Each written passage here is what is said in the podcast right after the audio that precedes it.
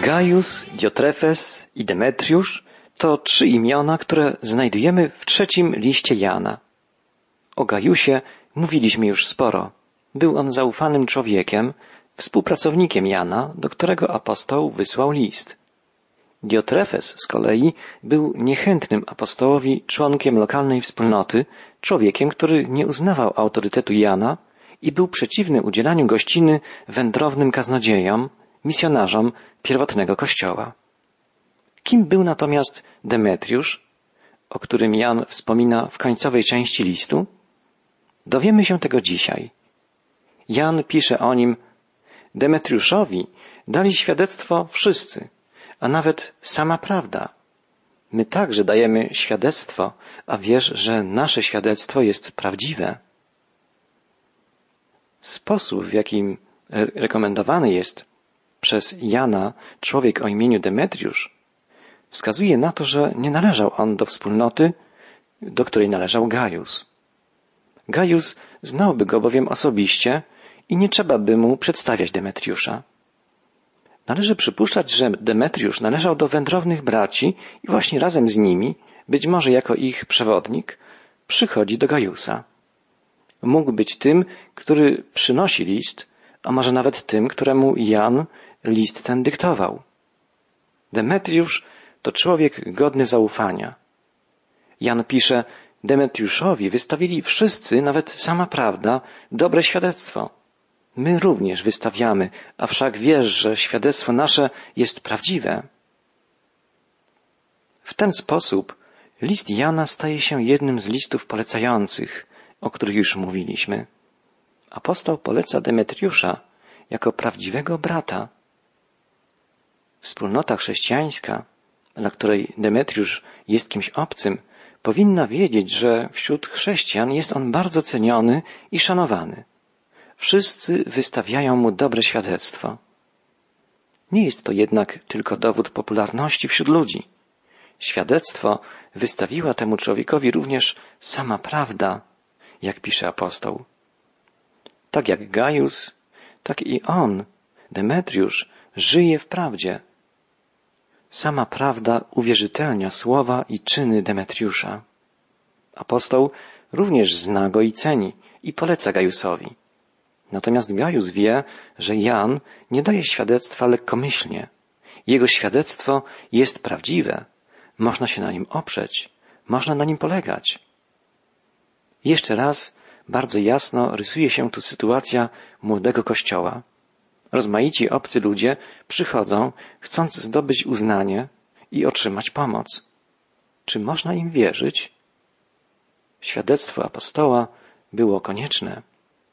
Świadectwo starszego, bo tak przedstawiał się Jan, ma wielką wagę. Świadectwo samej prawdy, które Kościół może wewnętrznie poznać, pozostaje jednak najważniejsze. Zawsze ostatecznym sprawdzianem wartości życia i służby chrześcijanina jest to, czy działa on dla prawdy Chrystusowej i zgodnie z nią, i czy przyczynia się on do czynienia dobra. Zwróćmy uwagę na słowa Jana skierowane do Gajusa. Apostoł pisze, umiłowany, nie naśladuj zła, lecz dobro. Ten, kto czyni dobro, jest z Boga. Ten, kto czyni zło, Boga nie widział. Kto czyni dobro, jest z Boga. Bóg jest źródłem dobra. Bóg jest zdecydowanie przeciw wszelkiemu złu, również kiedy popełniają je ludzie rzekomo pobożni. Nigdy nie zgodzi się światło z ciemnością, ani miłość z jakąkolwiek formą nienawiści. Jeżeli Jan pisze przy tym, iż czyniący dobro dosłownie jest z Boga, to dzieli z apostołem Pawłem pełne przekonanie, że z natury dobro w nas nie mieszka. Jeżeli w jakimś człowieku się pojawia, to znaczy, że przyszło do niego od Boga. To Bóg może w nas zrodzić prawdziwe dobro. Wyraźne stwierdzenie apostoła ostrzega nas przed tym, abyśmy dobra dokonywanego poza kręgiem wierzących nie dyskredytowali, automatycznie kwalifikując cnoty pogan jako uczynki na pokaz. A w każdym razie drugie surowe zdanie Jana, kto czyni źle, nie widział Boga, jest poważnym pytaniem skierowanym do nas, którzy dużo o Bogu mówimy. Czy rzeczywiście widzimy Boga? Bo przecież kto czyni źle, nie widzi Boga. Nie możemy postępować tak, jak Diotrefes. Nie możemy też wzdychać do jego metod pracy, do jego postawy, choć były one prawdopodobnie bardzo skuteczne. Diotrefes nie był poganinem, nie był człowiekiem niewierzącym, nie był też fałszywym nauczycielem. Na pewno dużo i dobitnie mówił o Bogu.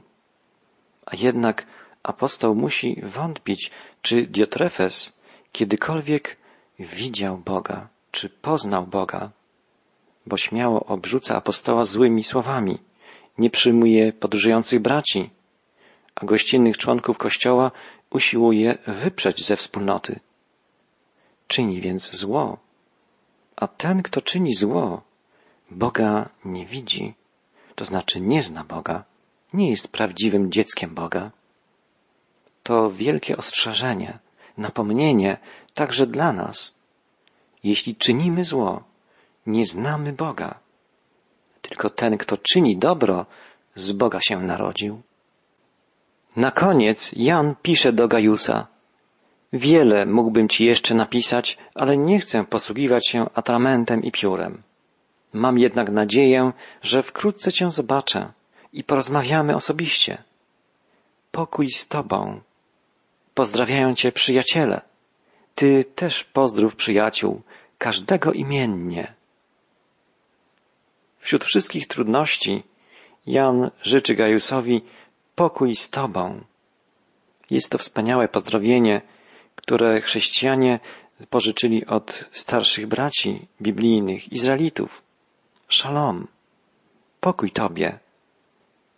Dzięki Jezusowi, który rzeczywiście przyniósł pokój z Bogiem, a więc pokój Boży prawdziwy, w najgłębszym sensie, Pozdrowienie to nabrało nowej treści i nowej mocy. Ten pokój trwa nawet wśród bolesnych napięć, które pochodzą nie tylko z zewnątrz, ale powstają wewnątrz wspólnoty chrześcijańskiej. Gaius powinien wiedzieć, że ma wiernych przyjaciół także w innych wspólnotach. Jan przekazuje mu pozdrowienia od tych przyjaciół, którzy są z nim razem i prosi pozdrów imiennie swoich przyjaciół mimo wrogich słów i całej złej postawy Diotrefesa, Jan ma w tamtejszym kościele swoich przyjaciół, którzy są także przyjaciółmi Gajusa. Gajus ma ich pozdrowić wszystkich imiennie, to znaczy każdego z osobna. Wyodrębniając w ten sposób każdego członka wspólnoty spośród innych, apostoł Jan okazuje swój wielki szacunek dla każdego, kto trwa w prawdziwej wierze w Chrystusa. Każdy wierzący jest kimś bezcennym dla Pana.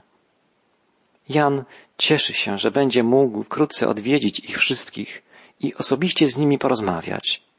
Będzie to o wiele pełniejsza, intymna społeczność, o wiele wspanialsza niż ta, którą udaje się niejako zastępczo nawiązać za pośrednictwem atramentu, pergaminu i pióra. Jan tęsknił za wspólnotą z innymi dziećmi bożymi. Odczuwał wielką potrzebę przebywania z ludźmi myślącymi i wierzącymi podobnie jak on. Każde spotkanie wierzących to okazja do szczerej rozmowy, do wymiany doświadczeń, do modlitwy, śpiewu, dodania sobie otuchy, okazania praktycznej pomocy. Jan z pewnością doskonale pamiętał chwile spędzone z innymi apostołami u stóp Jezusa i pamiętał, że Pan modlił się właśnie o to, by taka społeczność, taka serdeczna wspólnota przyjaźni, miłości, dobra rozrastała się, żeby stanowiła serce Kościoła. Jan słyszał i zapisał w swojej Ewangelii, jak Jezus modlił się o wszystkich swoich naśladowców. Jezus modlił się nie tylko o swoich najbliższych uczniów, ale także o wszystkich tych, którzy dzięki nim uwierzą. Nie tylko za nimi proszę, ale i za tymi, którzy przez ich słowo uwierzą we mnie, prosił Jezus. A Jan zapisał te słowa w siedemnastym rozdziale swojej Ewangelii. To jest coś bardzo dla nas radosnego. Ta prośba Jezusa dotyczy także nas. Wspaniała jest ta świadomość, że Jezus myślał o nas już prawie dwadzieścia stuleci temu. Jeśli jesteśmy wierzącymi, możemy być pewni, że nasz wspaniały Pan i Zbawiciel wstawia się za nami i teraz. Posłuchajmy, o co Jezus prosił Ojca dla nas. Aby wszyscy byli jedno, jak Ty, Ojcze, we mnie, a ja w Tobie, aby i oni w nas jedno byli, aby świat uwierzył, że Ty mnie posłałeś. Możemy zapytać z niepokojem, czy ta prośba modlitewna naszego Pana została wysłuchana? Pomimo wszelkich podziałów i trudności, które nie tylko wtedy, na początku historii Kościoła, występowały, o czym się przekonujemy, studiując listy Jana, ale które występują także teraz. Wiele jest trudności, podziałów, nieporozumień, a jednak, pomimo nich wszystkich, myślę, że ta modlitwa naszego Pana jednak została wysłuchana. Wszyscy wierzący są w Chrystusie jednością. Kościół jest żywym ciałem Chrystusowym. W momencie, gdy nawracający się grzesznik powierza się z ufnością Chrystusowi, zostaje włączony do rodziny Bożej. Staje się narodzonym na nowo Bożym dzieckiem. Ten prawdziwy Kościół Jezusa Chrystusa nie pokrywa się z podziałami denominacyjnymi. Biegnie w poprzek wszelkich ludzkich ograniczeń i barier. Tak naprawdę tylko sam Bóg wie, kto należy do duchowego Kościoła Jezusa Chrystusa, bo tylko Bóg widzi serce człowieka. Jest to Kościół zbudowany z ludzkich serc, Kościół niewidzialny. Pracowałem przez niemal dziesięć lat w sklepach biblijnych, w chrześcijańskich księgarniach i muszę z radością powiedzieć, że w czasie tych dziesięciu lat poznałem wielu wspaniałych braci i wiele sióstr z różnych denominacji. Odczuwałem i odczuwam duchową łączność z nimi, duchową jedność. Myślę, że jest to coś oczywistego, że jedność odczuwają członkowie Kościoła, czyli członki ciała, które ma jedną głowę Chrystusa. Myślę, że gdybyśmy byli bardziej świadomi tego, co w naszej więzi z Chrystusem ma pierwszorzędne znaczenie, nie przywiązywalibyśmy zbyt wielkiej wagi do rzeczy drugorzędnych. Gdybyśmy bardziej akcentowali to, co nas łączy, w większym stopniu niż teraz przeżywalibyśmy radość z odkrywania prawdy, że Bóg ma wiele swoich dzieci rozsianych po całym świecie.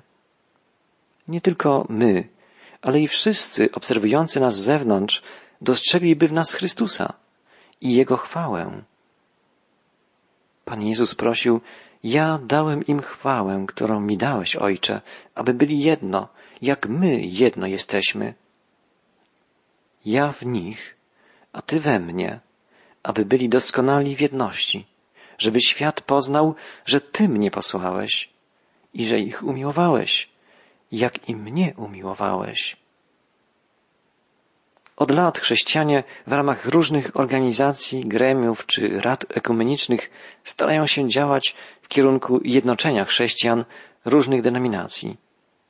Pan Jezus mówi, rozmawiając z Bogiem Ojcem, o potrzebie jedności wszystkich wierzących, o kluczowej w tej kwestii sprawie, o potrzebie przyjęcia Bożej miłości. Chrystus mówi, że Bóg Ojciec umiłował swoje dzieci, tak jak umiłował swojego jedynego Syna, jedynego zrodzonego Syna, wcielonego Boga. Jedynie doznanie Bożej miłości i Bożej łaski może przełamać wszystkie uprzedzenia i obawy dzielące chrześcijan. Jezus modlił się o nas już całe wieki temu, aby tak zespolili się w jedno, żeby świat poznał, żeś Ty mnie posłał i żeś Ty ich umiłował tak, jak mnie umiłowałeś. Ojcze, chcę, aby ci, których mi dałeś, byli ze mną, gdzie ja jestem, aby oglądali chwałę moją, którą mi dałeś, gdyż umiłowałeś mnie przed założeniem świata. To niesamowite słowa.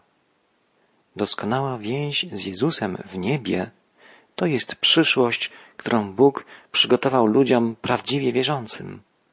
Bóg stworzył człowieka właśnie z tym zamiarem, w tym celu, by mieć z nim łączność, by z nim przebywać.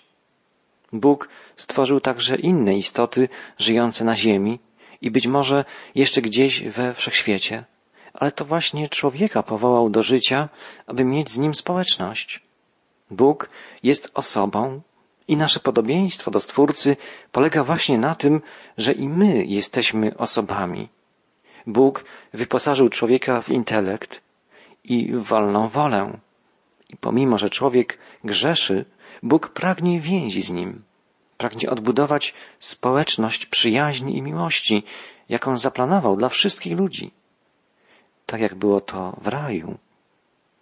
Tak będzie w niebie. Wszyscy zbawieni przez Chrystusa ludzie będą przebywać z Bogiem. Wszystkie owce Bożej trzody będą bezpieczne w jednej owczarni dobrego pasterza. Wspaniałą rzeczą będzie w niebie oglądanie chwały Chrystusa. Ze słów Jezusa, ze słów Jego modlitwy wynika, że On cieszy się już na tę chwilę. Dlatego mówi, chcę, żeby byli ze mną tam, gdzie ja jestem, aby widzieli chwałę moją. Oglądanie chwały Chrystusa będzie ukoronowaniem życia ludzi, którzy mu zaufali. Mojżesz prosił Boga, jak pamiętamy, by objawił mu swoją chwałę. Jest to tęsknotą każdego wierzącego serca, żeby zobaczyć chwałę żywego Boga. Czasem widzimy przepiękny zachód słońca, czy urokliwy zakątek jeziora, lub strzeliste szczyty górskie. I wtedy mamy jak gdyby przedsmak tego, co zobaczymy w niebie, gdzie ujrzymy pełnię chwały Boga. Już nie tylko chwały Jego stworzenia, ale chwały Jego samego. Chyba zbyt mało o tym myślimy. A przecież jest to rzeczywistość, ku której zmierzamy. Jest to cel, który chcemy osiągnąć. Pomyślmy, jak to będzie, gdy staniemy u boku Boga i ujrzymy w pełni Jego chwałę.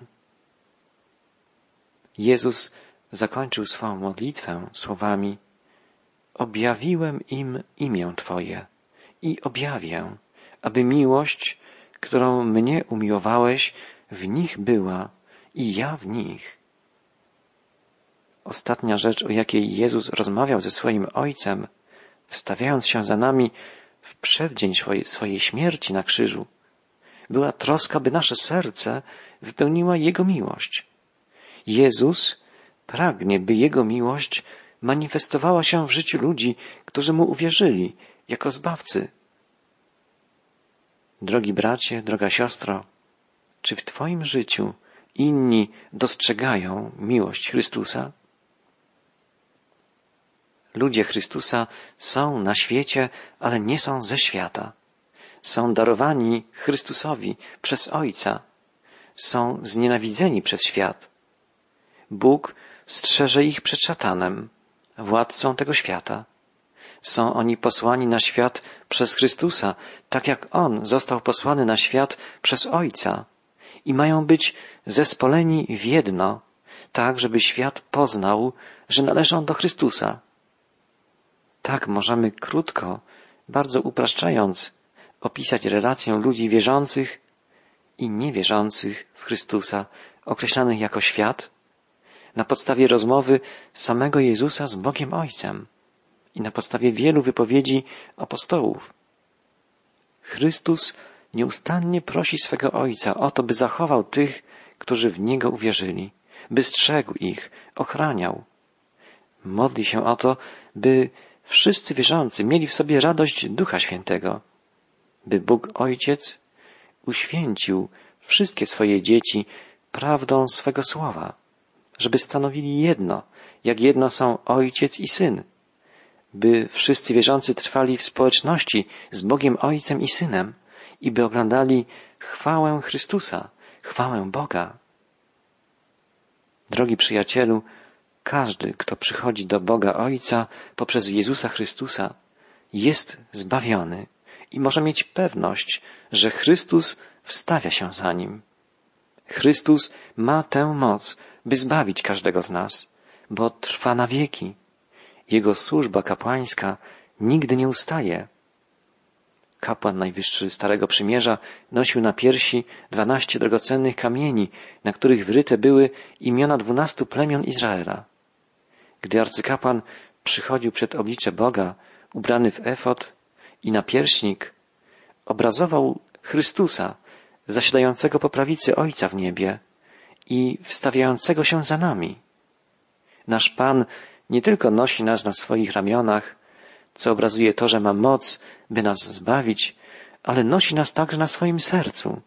On nas kocha i nieustannie zabiega o nas, troszczy się o to, byśmy byli bezpieczni, szczęśliwi, radośni. Kiedy myślę o tych cudownych słowach naszego Pana, mówiących tak głośno o tym, że Jezus jest miłością, odczuwam głęboką wdzięczność i radość. Myślę, że tak właśnie Bóg może wzbudzić we mnie prawdziwą miłość, miłość Agapę, miłość czerpiącą z Jego miłości.